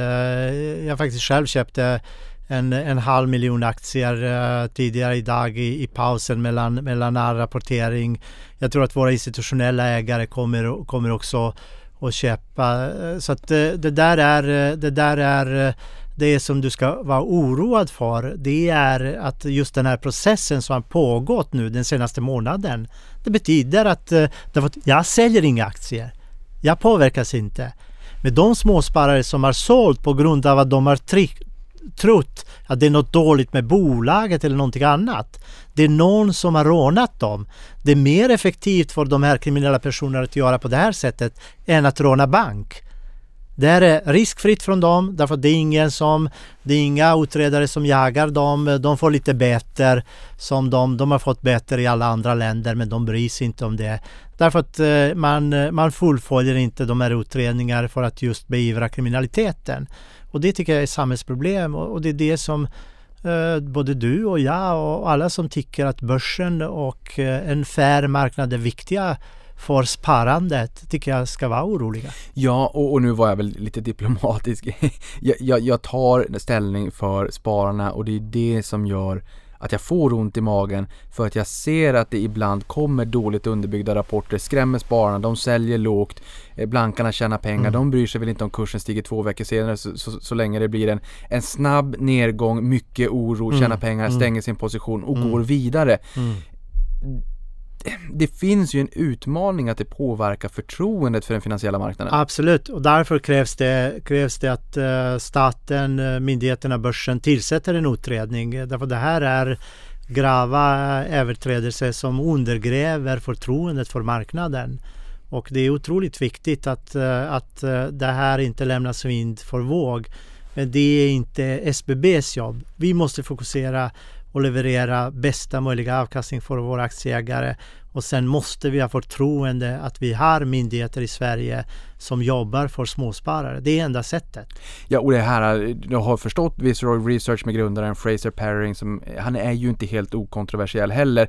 Det räcker med snabb googling för att hitta exempelvis en artikel på Bloomberg som är väldigt ny, eh, där man i Tyskland har sagt att eh, domslut du ska ta bort vilseledande information i en, eh, i en analys som sänkte ett av Europas största fastighetsbolag. Vilket inte är gjort, jag förstår att det är lite svårt att medla i och med att han är bosatt i USA, som jag förstår det kort och gott bottom line. Det är väl bra att Ekobrottsmyndigheten ändå har sagt att det här har tilldragit deras intresse, att de ska titta på det. Ni säger till Finansinspektionen gärna titta så att oberoende parter faktiskt tittar, för det här är inte första eller sista gången. Och nästa gång heter bolaget inte SBB utan det heter någonting annat. Det är väl bra ändå att de tittar på Absolut. det. Absolut, det är, det är jättebra och det är jätteviktigt för både samhället och för, för förtroende för marknaden. Så jag hoppas att, eh, att det, de utredningar verkligen görs så att det blir offentligt så att, eh, så att alla får veta vad, vad som har hänt så att vi slipper, så att någon annan slipper drabbas på det sättet eh, framåt. Det har ju även funnits rykten om tvångsförsäljningar i Ilja Batljan Invest och att det finns kovenanter, alltså villkor som är kopplade till aktiekursen i SBB. Det här har du dementerat tillsammans med Gabriel i DI Börsmorgon nu på morgonen och sa att kovenanten anger ett max LTV eller loan to value belåningsgrad på 65% och att du är på 15% idag och att det finns mycket annat i det här bolaget att sälja om situationen skulle kräva det. Kan du berätta och utveckla, vad innebär det här? Ja, det innebär att det finns ingen koppling eh, mellan eh, Ilija Batljan Invests balansräkning och eh, SBBs aktiekurs. Därför att eh, Ilija Batljan Invest konsoliderar SBB och då bokas det till, eh, till de konsoliderade värdena oavsett vad kursen är. Men, men varför dyker det här ryktet upp ja, men det är, gång? samma, det är samma mönster Niklas. Eh, när det blir kris, det finns eh, folk som vill eh, tjäna snabba pengar både på, både på aktien och, eh, och på bonds. Och, och, de, och deras jobb är att försöka lura mig och dig. Och vårt jobb är bara att vara transparenta och berätta hur det är. Mm. Det finns inget annat. Alltså kriminella personer kommer alltid att finnas och den enda kampen som vi, eller den enda möjligheten som vi har, det är transparensen. Eh, vi har inget annat. Ni har ju seglat upp till att bli den näst mest ägda aktien på vår plattform efter Investor. Ni har över 134 000 ägare på båda aktieslagen. Till DI sa du citat, vi har indikationer på att stora hedgefonder använder sina finansiella muskler för att lura svenska småsparare. Det är förjävligt slutcitat, vilket du också nu har varit in på. De som är nu oroliga, nu har du ju varit in på det här under podden, men vad vill du säga till de oroliga småspararna där ute? Jag vill säga till dem att eh, uh, SBB är idag starkare än någonsin. Vi utvecklas väl. Vi levererar ett väldigt starkt resultat för 2021. Vi levererar en stark intjäningsförmåga för 2022. Vi har en prognos att vi under 2022 kommer att göra ett resultat på 8,1 kronor per aktie. Därutöver har vi ett förslag till bolagsstämma att vi ska höja utdelningen eh, med 32 procent eh, till 1,32 kronor per aktie och, där, och dessutom ska den betalas ut månadsvis. Så att eh, vi är övertygade om att vi kommer att kunna fortsätta leverera stark aktieägarvärdet och vi har inget annat uppgift än att göra det bästa möjliga jobb för dig som aktieägare och vi är stolta att vara ägda av mer än 200 000 aktieägare trots att dessa inte kallas för smart money. De är smartare än någon annan. De flesta finns hos oss. Senaste tiden pratar allt fler om vinstförbud i skola, vård och omsorg. Hur påverkar det här er eftersom att ni är verksamma inom samhällsfastigheter? Kan det leda till att kommuner inte längre vill sälja exempelvis till er? Nej, eh, alltså Niklas, eh, du, du, du kan tänka dig, vad är det vi erbjuder till kommunerna? Vi erbjuder fastighetsförvaltning och vi erbjuder tegel och betong. Det är det, som, det är det som är vår tjänst. Vi bedriver ingen verksamhet eh, och det är kommunerna själva som säljer till oss och det är kommunerna själva som också många gånger tecknar eh, långa hyresavtal. Så att eh, kommunerna har fullt beslutande rätt när det gäller, när det gäller att ta del av vår kompetens och vi är idag Eh, Nordens största aktör eh, inom det här segmentet. Men vi har bara 3% av den totala marknaden. Så det är fortsatt eh, en väldigt stor marknad där kommunerna i Norden är fortsatt den största aktören.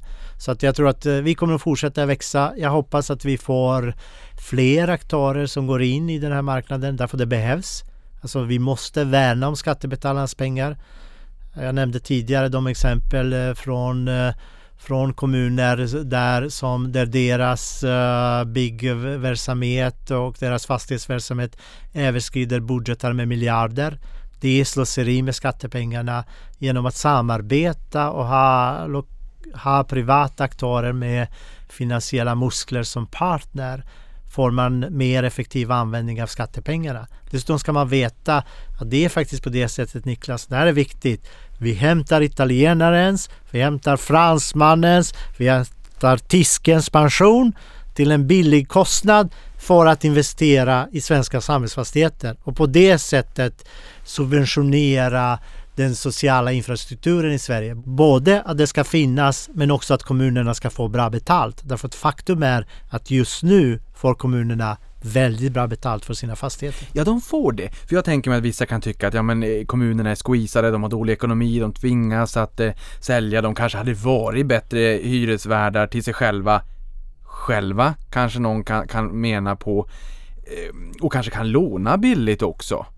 De kan, absolut, de kan absolut låna billigt men eh, men i och med att kommunerna kan låna billigt, det är ingen som säger att kommunerna ska producera morötter. Inte heller potatis för den delen. Att inte säga att de ska producera egen skrov och mutter. Utan eh, det är just den här missförstånd kring fastighetsverksamhet där man eh, tror att fastighetsverksamhet är bara en finansiell verksamhet. De som har fokuserat på fastighetsverksamhet som finansiell verksamhet har aldrig varit långvariga. Fastighetsverksamhet är en kompetensverksamhet och är en långsiktig investering i kompetens. Vi har just nu situation i Finland där vi har en kommun som har rivit två av sina skolor på grund av mögel. Så mm. kommunen har kört fastigheterna i botten för att behöva riva dem när de, bygger, när de har byggt nu nya skolor, de har låtit oss äga ett av dem och de kommer att äga den andra. Just för att de ska få in också en kompetens och en fastighetsägare som är intresserad att personalen i skolan har bra luft, bra ventilation och som är intresserad av kommunen också lägger pengar på underhåll och inte lägger dem i ett annat, i ett annat svart hål. Men vad säger kommunerna då?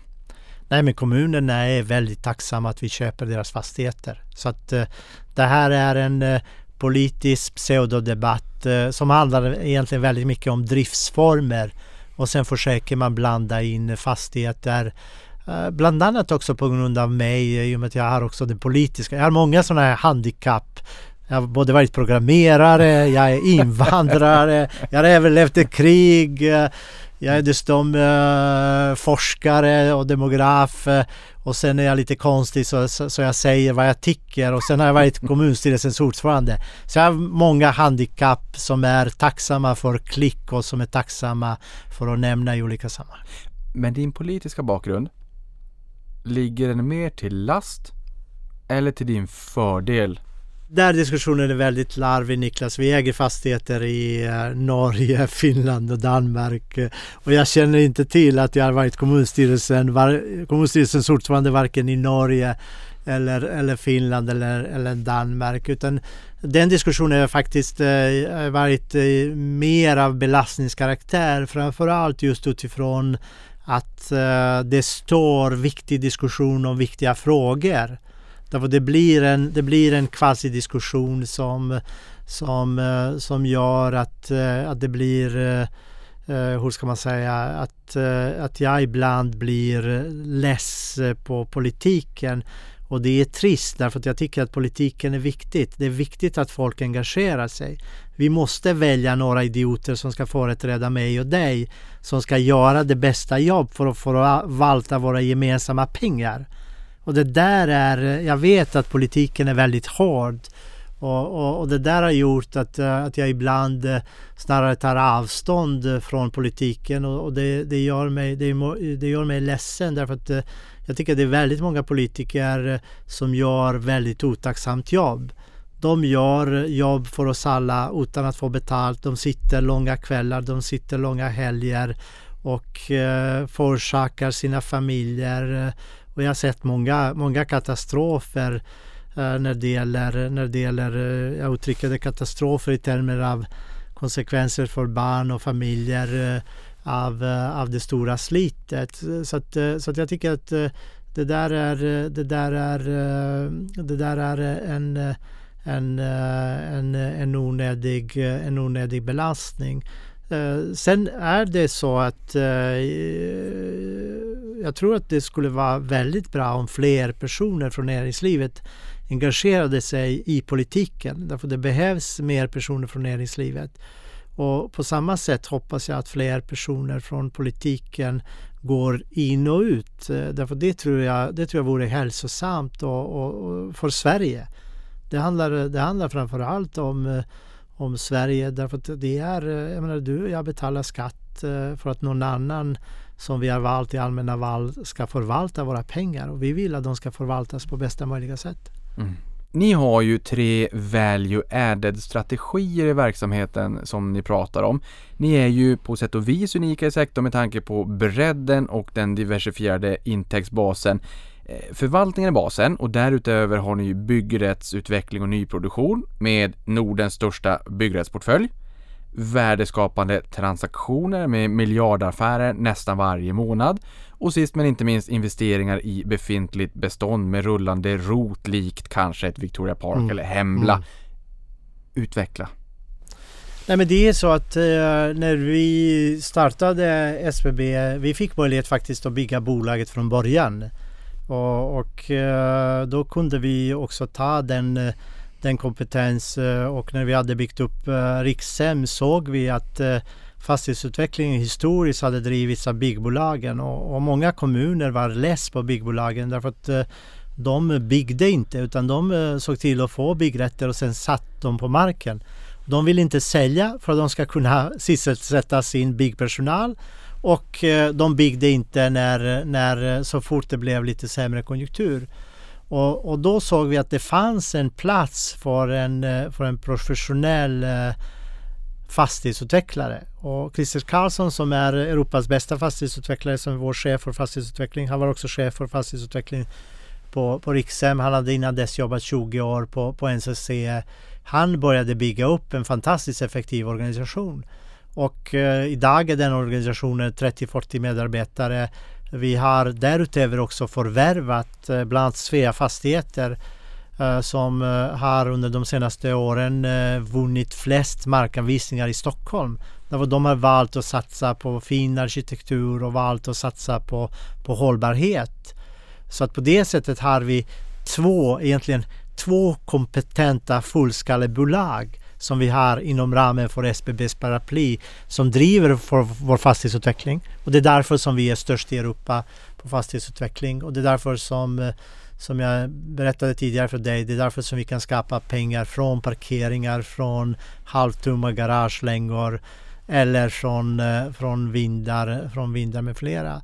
När det gäller eh, rullande rot, eh, det är en eh, verksamhet som är väldigt viktigt som vi också bedriver inom vår hållbarhetssatsning där vi i samband med när hyresgästerna flyttar ut ser till att vi eh, renoverar lägenheter och också höjer hållbarhetsnivå på fastigheten. Det vill säga eh, tar ner, eh, extra isolerar och, och ner energiförbrukning. Och, och, och vi renoverar cirka 600 lägenheter om året och har fortsatt relativt låga hyror därför att det är en, eh, det är en väldigt, eh, det är en väldigt eh, win-win affär. Hyresgästen får en lägenhet som är nästan som ny med en hyra som är 25% lägre än nyproduktion. Och vi får en, en uh, yield on cost som ligger uh, mellan 5 och 7 procent. Uh, vilket är fantastiskt bra om fastigheterna handlas på 2,75 eller 3 procent. Och sen har vi transaktionsverksamheten Eh, som, eh, som jag nämnde tidigare. Eh, vi omsätter en normal fastighetsbolag om året. Vi har under 2021 omsatt fastigheter för 40 miljarder. Vi har sålt fastigheter för 19,3 miljarder och eh, gjort eh, en eh, vinst på 3,1 miljarder under året på de här fastigheterna. Av de 3,1 miljarder har nästan en miljard bokförts som realiserad vinst och resten har varit orealiserad vinst i de kvartalen innan själva försäljningen. Ja, för här blir man ju nyfiken på naturligtvis med, med transaktioner, ni är duktiga på det. Men vem vill sälja för billigt och vem vill köpa för dyrt? Ja, men det, är inte, det, är inte, det är inte, marknaden rör sig eh, och eh, vi såg framförallt under 20, 2021 att priserna ökade kraftigt. Och det är på samma sätt, eh, vi kan gå, det lättaste sättet att förklara är det att vi går tillbaka till, till ditt exempel från tidigare till bostadsrätter. Alltså har de som har sålt i början på 2021, är de idioter? Och de som har köpt, är de genius? Ja, men så enkelt är det inte utan du har en marknadseffekt och den har i Sverige under 2021 eh, den är väldigt lätt att utläsa genom att, eh, att man ser hur fastighetsbestånd eller hur värderingar har föränd, för, förändrats för hela sektorn.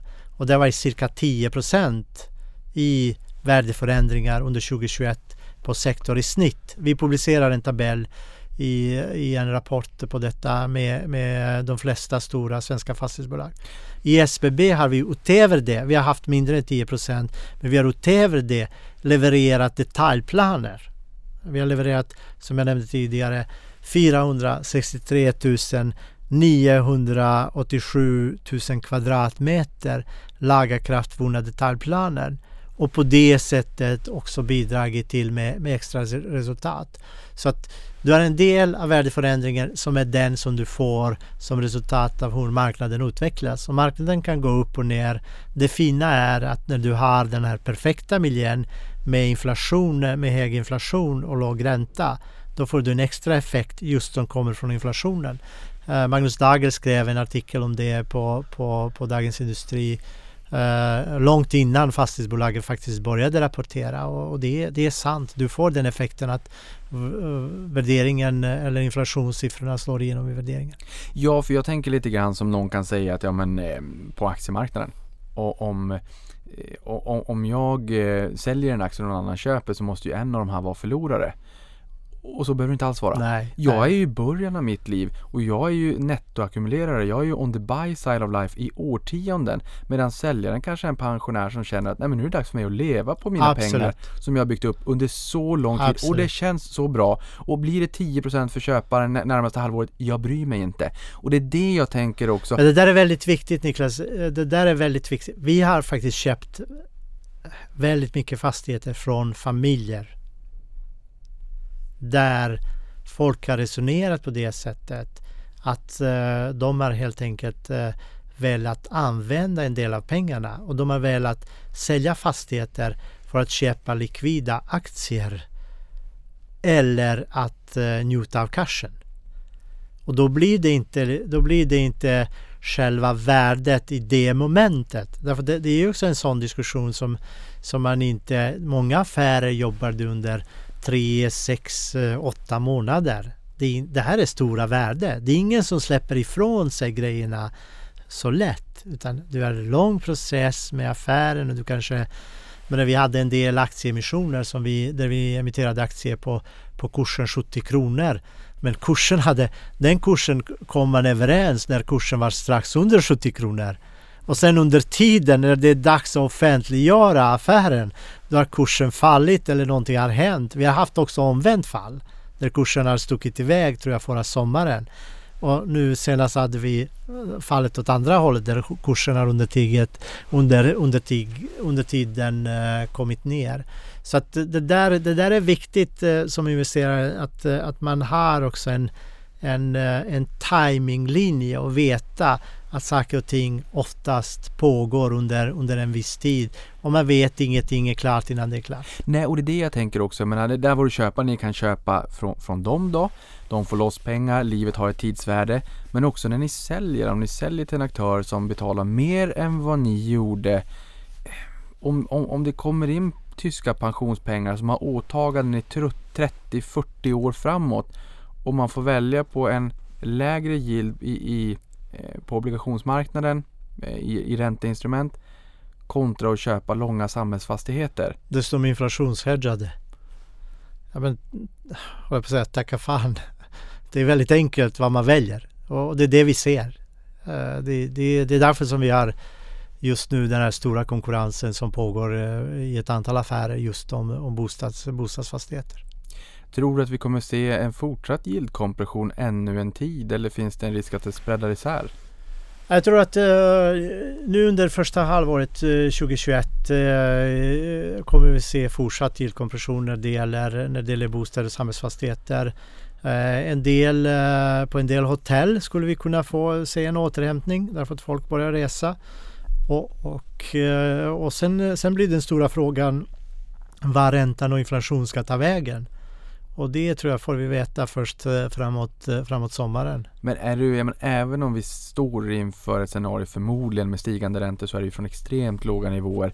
Är du alls rädd för stigande räntor? Nej, inte alls. Snarare tvärtom Niklas. Eh, ingen skulle vara gladare än, än mig om vi fick stigande räntor. Det skulle betyda att vi får tillväxt. Europa behöver tillväxt. Det enda sättet, vi kan inte Europas skuldbörda kan inte återbetalas utan tillväxt. Det, det där handlar inte om uh, räntor upp och ner utan det handlar att det enda sättet som, som vi kan utveckla Europa är att vi måste få tillväxt. Och eh, har vi tur och har centralbankerna varit skickliga och fortsätter vara skickliga för att skapa förutsättningar för tillväxt. Då tror jag är eh, otroligt viktigt för oss alla. Och om det i sin tur leder till lite högre räntor eller lite högre inflation. Uh, ingen skulle vara gladare än mig. I Viceroys rapport där så sa de ju att det är svårt att höja hyrorna riktigt så mycket för att det är hyresreglering på, på bostadssidan, alltså hyresbostäder och för att det är eh, kopplingen till KPI eller inflationen då på den kommersiella sidan. Men faktum är ju att eh, ja, dels då att ni, ni har ökat intäkterna eh, fint på grund av att inflationen då har taktat på uppåt. Men ni har ju ett mål om att höja intäkterna i jämförbart bestånd med, med 100 punkter över KPI, alltså procentenheter över KPI. Och, och, jag tror väl, om jag inte är ute och cyklar, att den ligger på 145 punkter där någonstans nu historiskt. Hur många år bak, det vet jag inte, det vet du, det kommer du säga alldeles strax. Hur lyckas man med det? Nej, men vi, vi ligger på treårssnitt eh, 120 punkter. Senaste året, för 2021, hade vi 145 punkter över inflationen. Därför det är basinflation från 2020. Och det sättet som vi lyckas med det är just med den här vardagliga gnetande. Det finns inget annat. Man måste se till att renovera lägenheten när hyresgästerna har lämnat. Man måste se till att uppgradera standard för eh, fastigheter för hyresgästerna och på det sättet få, få betalt för det. Och det, det stora uh, grejen där är att hyresgästen, den nya hyresgästen, alltså vi pratar ofta det är väldigt lätt att glömma att eh, hyran höjs inte för den gamla hyresgästen utan när en gammal hyresgäst lämnar då går man in och, och ser till att eh, man har en bra standard. På samma sätt som du gör med din bostadsrätt. Du går och ser till att investera och köpa nytt kök. Och vi ser till att vi får in ett nytt kök till, eh, till, till hyresrätten. Och då får man betala lite, lite högre hyra och då får vi en yield on cost mellan 5 och 7 procent. Vilket är rimligt givet, uh, givet vår investering. Och uh, det ger oss bra avkastning i och med att uh, just nu är gilder på fastigheter som du köper på marknaden snarare 2,75 till 3 procent. Ja, för det här är så intressant. Vi återkommer ju väldigt mycket naturligtvis till Viceroy i, i det här poddavsnittet. Det ska ju sägas att varken du eller jag visste ju att det här skulle komma ut när vi bokade in den här roliga podden. Jag, jag släckte lampan på småtimmarna i natt och preppade det här. Eh, de har gjort både dig och mig sömnlös. Mera dig, det är inte synd om mig. Hur som helst. De, de menar ju att ert bestånd till stor del utgörs av kommersiella hyresgäster med långa avtal som justerar upp med KPI. Och här säger de att det är skral möjlighet till värdeskapande och att vara er egen lyckas med. Ni kan inte vara det. Samtidigt säger du här yield Kost 5-7% när det är det här idoga gnetandet. Det stämmer ju inte överens med det de säger. Nej, därför att de, eh, de eh, kriminella personer brukar hitta på olika, olika saker. Det här är inte någonting som vi är de enda som, eh, som gör. Det finns många andra exempel. Så att det, det här är väldigt lätt att, att följa upp och, och, och varje, varje sansad person kan bara titta på sin egen investering i sin bostadsrätt för att man ska förstå hur den här, hur den här dynamiken, dynamiken fungerar när du får möjlighet att investera och få en bra avkastning på din investering.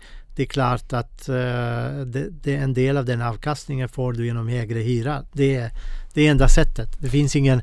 Uh, du får lite lägre, uh, du får 10 spänn på kvadraten på underhåll och kanske 5 spänn på lite fem spänn på taxibundet och, och, lite, lite sånt.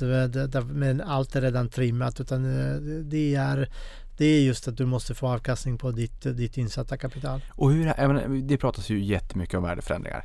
Men, men hur påverkas de nu då? Men, men när, när, inflationen taktar på uppåt, ni ligger senaste året 145 punkter över inflationsnivå, ni taktar på bra uppåt. Det här borde ju rendera i fortsatta värdeförändringar. Absolut.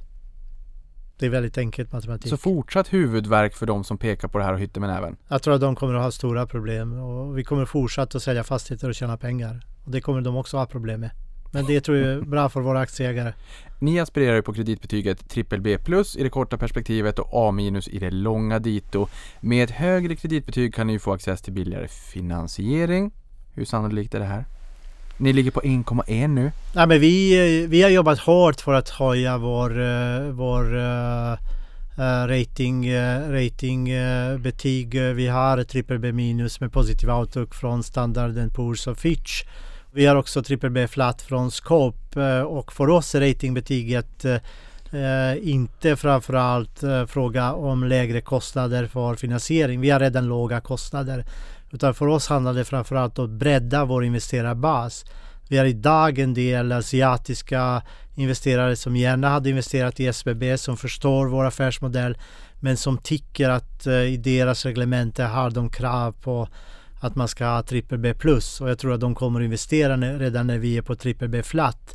Därför då kan, de, då kan de argumentera att vi är närmare trippel B plus. Så att det här är en, en strategiskt viktig fråga som vi kommer att prioritera kraftigt under 2022. Du som lyssnar på det här, jag kan bara säga eh, två tummar upp om du inte har somnat ännu. Tiden går fort när man har roligt. Det är några frågor kvar, några spännande frågor. Idag föreslog ni ju höjd utdelning om 32% som sagt och att ni ska höja utdelningen i 100 år har du sagt. Vissa menar att det här är lite kaxigt, andra pekar på exempelvis Erik Selin och Balder som ju inte delar ut utan allokerar slantarna i bolaget istället för att fortsätta växa. Hur, hur resonerar du här? behålla alla pengar, fortsätta växa kontra att dela ut och nu också vara den här månadsutdelaren som många utdelningsinvesterare eh, gillar. Niklas, vi ser SBB som ett familjebolag och jag sa tidigare att jag hoppades att vår uh, finanschefs uh, Lottas, uh, att hennes barnbarn ska jobba inom, inom SBB och vi ser detta utifrån en genera generational perspektiv det vill säga på ett 100 års sikt. Och det är därför som vi säger att vår ambition är att höja, höja utdelningen under, under 100 år. Därför att vi, vi hävdar att vi har trygga tillgångar, vi har långa kassaflöde och då ska vi kunna operationellt leverera det extra som krävs för att vi ska kunna höja utdelning varje år oavsett, oavsett marknadsförhållande. Sen kan det finnas en annan modell där, där folk väljer att återinvestera. Vi tycker att det är bra med en kombination att en del av vinsten och de eh, kassaflöden som vi skapar också kommer investerarna till del. Så de blir påminda varje månad att här har jag faktiskt avstått lite av mina pengar och jag får en fin månadsvis utdelning. Och sen kan jag återinvestera om jag vill eller sen kan jag köpa någonting vackert eh, till mig själv eller till min familj eller investera i ett annat bolag. Vi, vi tycker att det är, en väldigt, det är en väldigt bra kombination för en långsiktigt eh, investerare som tänker i ett generationsperspektiv. Historiskt så har ju utdelningstillväxten globalt varit någonstans 5 till 7 procent. Du ska inte behöva lova, men vad tror du att man kan förvänta sig i utdelningstillväxt? Ja, men det kommer jag, det kommer jag aldrig, eh, det kommer jag aldrig att, att, att lova utan det som, det som jag säger eh, när det, när det säger om vår ambition att alltid höja utdelning under de närmaste hundra åren handlar exakt om det här generationsperspektivet. Därför att eh, vi har en ambition att uh, ta hand om dina pengar så att också dina barnbarn ska kunna få en bra avkastning och att om du inte vill inte ska behöva beroende av aktiekursen. Alltså dessa dagar visar vikten av ett långsiktigt perspektiv. Därför att uh, vi vet alla att kurserna går upp och ner och den kan påverkas av väldigt mycket. Det behöver inte bara vara kriminella personer, det kan påverkas av marknaden, det kan påverkas av Ukraina, det kan påverkas av väldigt mycket annat. Och därför är fokus på utdelning för en uh, långsiktig generationsperspektiv centralt. Det är, det, är så, det är så vi har tolkat detta och det är så vi tycker är bäst för vår familj av 200 000 aktieägare. I fjärde kvartalet utgjordes en stor del av resultatet före skatt av värdeförändringar. Av 13,7 eh, miljarder i resultat var 9,8 miljarder hänförde till värdeförändringar. Många pratar om eh, pappersvinster då i sektorn i stort, alltså orealiserade värdeökningar på fastigheter från exempelvis yieldkompression som vi var in på eller förbättringar i driftnetto, förändringar i hyresavtal eller liknande. Såklart är ju kassaflödet viktigare än de här typerna av vinsterna. Så hur stor ni är i, i termer av kassaflöde? Det är väldigt starka kassaflöde och inte bara kassaflöde från uh, operations uh, utan uh, vi har också starka kassaflöde från vår fastighetsutveckling. vi nämnde det tidigare Niklas att vi så du sa att dryga 9 miljarder var värdeförändringar i Q4. hälften av det, de värdeförändringar är faktiskt inte några vanliga värdeförändringar utan, utan de kommer från vår fastighetsutveckling. Vi gjorde resultat på fastighetsutveckling Q4 tack vare de här godkända lagakraftvunna detaljplaner. Vi gjorde ett resultat på fyra, nästan 4 miljarder från vår fastighetsutveckling under Q4. Inte bara att vi gjorde ett resultat utan vi kunde också sälja byggrätter för 2,6 miljarder. Så i termer av cash vi gjorde en resultat på våra byggrätter på knappt 4 miljarder. Men vi tog in cash på 2,6 miljarder. I den totala affären vi tog in 12,6 miljarder i cash under Q4 genom att sälja vanliga fastigheter för cirka 10 miljarder och 2,6 miljarder i byggrätter. Det är inte många bolag i Sverige som kan ta ut från sin verksamhet 12,6 miljarder i cash för att i det här fallet kunna köpa Amasten utan att behöva ha några brigg, eh, brigglån eller, eh, eller någon aktieemission eller någonting annat. Det är helt unikt och det visar på den riktiga cash generation eller riktiga kassaflödesskapande. En annan liten spännande detalj det är ju naturligtvis det finansiella finrummet OMXS30 mycket tyder ju på att ni faktiskt kommer in där. Vi kommer in i OMX30 eh, på, genom eh, att ha hög omsättning eh, och sen får Nasdaq bestämma om, om vi kommer in. Men vi har utifrån den statistik som finns nu är vi bland de mest omsatta, bland 15 mest omsatta aktier på Stockholmsbörsen och enligt den logiken ska vi in i OMX30 uh, första, första juli och uh, vi ser fram emot det, inte faktiskt för vår skull utan uh, vi tycker att det vore väldigt bra att också en fastighetsbolag finns i UMX30. Idag finns inget fastighetsbolag i UMX30 och vi tycker att det är, det är ett problem också för börsens representativitet. Fastighetsbranschen är stor i Sverige, störst i Norden och det skulle kännas väldigt bra att representera fastighetsbranschen i OMX30. I slutet på förra året så uppdaterade ni ju era mål dessutom och det här är ju nytt sedan vi poddades vid sist. Berätta! Det är så att eh, vi har eh, ytterligare fokuserat eh, egentligen eh, på tre områden. Den ena är eh, att vi ska leverera en stark resultat från eh, fastighetsutveckling. Vi har nästan dubblerat det tidigare målet så det nya målet är att vi ska leverera 2 till 2,5 miljarder per år i resultat från fastighetsutveckling.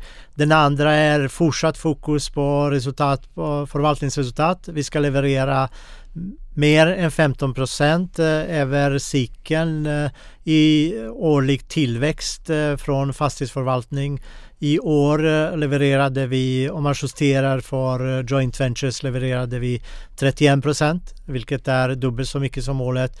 Och det tredje målet som eh, varit omtalat har varit just att vi ska växa fastighetsbestånden till 300 miljarder. Vi har idag 150 miljarder i fastigheter. Vi kontrollerar joint ventures som har värde på cirka 90 miljarder och utav de 90 miljarder, 35 miljarder är SBBs andel. Och vi ser att vi kommer att kunna organiskt växa till eh, 300 miljarder i Norden. Och eh, vi kommer att fokusera på att uh, satsa på organisk tillväxt under 2022 och samtidigt satsa på att stärka ratingen Därför att vi tror att detta är det bästa sättet för att leverera långsiktiga aktieägarvärden. Från dagens 149,3 miljarder plus de här joint ventures som du pratade om då upp till 300 miljarder 2026. Vad kommer i störst utsträckning hjälpa er att ta er dit? Det största kommer faktiskt att vara den, eh, den organiska tillväxten eh, och vår fastighetsutvecklingsverksamhet. Så det är där som vi ser och, och det är också en sån fråga Niklas. Eh, jag menar, om du, om du tänker dig att, om du tänker dig att vi till exempel i år växer våra intäkter, eh, säg med 4 Det är cirka 300, det är cirka 300 miljoner. De 300 miljoner om du gildar dem eh, på 4 det ger 7,5 miljarder i fastighetsvärde. Det är en viktig matematik om du gillar dem eh, om du gillar dem eh, på 3 procent då, då har du, eh, då, då har du eh, 10 miljarder.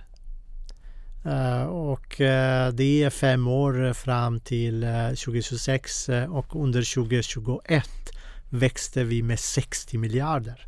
I början på 2021 hade vi 90 miljarder i fastighetsvärdet. I slutet på 2021 hade vi 149,3 miljarder i fastighetsvärde. Så att där visar att vi har väldigt goda förutsättningar att eh, uppnå våra tillväxtmål egentligen utan att eh, göra en enda nettotransaktion. Utan eh, att fokusera på organisk tillväxt, att fortsätta utveckla byggrätter, sälja en del av dem, omvandla dem till kassaflöde och fortsätta ränta på ränta effekten. Det här är den, eh, hur ska man säga, mest eh, kända matematiska formel och som dessutom bidrar av att du får faktiskt hyra tre månader i förskott. Så du, du har en liten float också i fastighetssektorn som du kan jobba med om du är duktig att ta hand om de pengarna. Lite grann som Warren Buffett också med försäkringsbolaget. Det fanns en liten trevlig eh, float där också. Ja. Sista frågan. Vilka eller vilken skulle du säga är största risken, riskerna framåt? Den största risken för fastighetsbolag är alltid refinansieringsrisken. Därför är det viktigt att jobba med lång kapitalbindning och, och det är någonting som som vi är väl medvetna om och väl fokuserade på. Uh, sen är förstås uh, krig och, och allt sånt, det är samhällsrisk. Uh, det är därför som jag tycker att Eh, och, jag har sagt eh, att jag tycker det är viktigt att Sverige inför allmän värnplikt. Därför det är bra för Sverige. Det som är bra för Sverige, bra för SBB. Och det är bra för våra aktieägare. Jag tycker helt enkelt att eh, alla killar ska göra allmän värnplikt och också de de tjejer som, som, som vill. Men uh, jag tror att i dessa konstiga tider är otroligt viktigt att, att vi säkerställer att vi har en, en bra beredskap i Sverige. Ilja, tusen tack för att du kom till podden.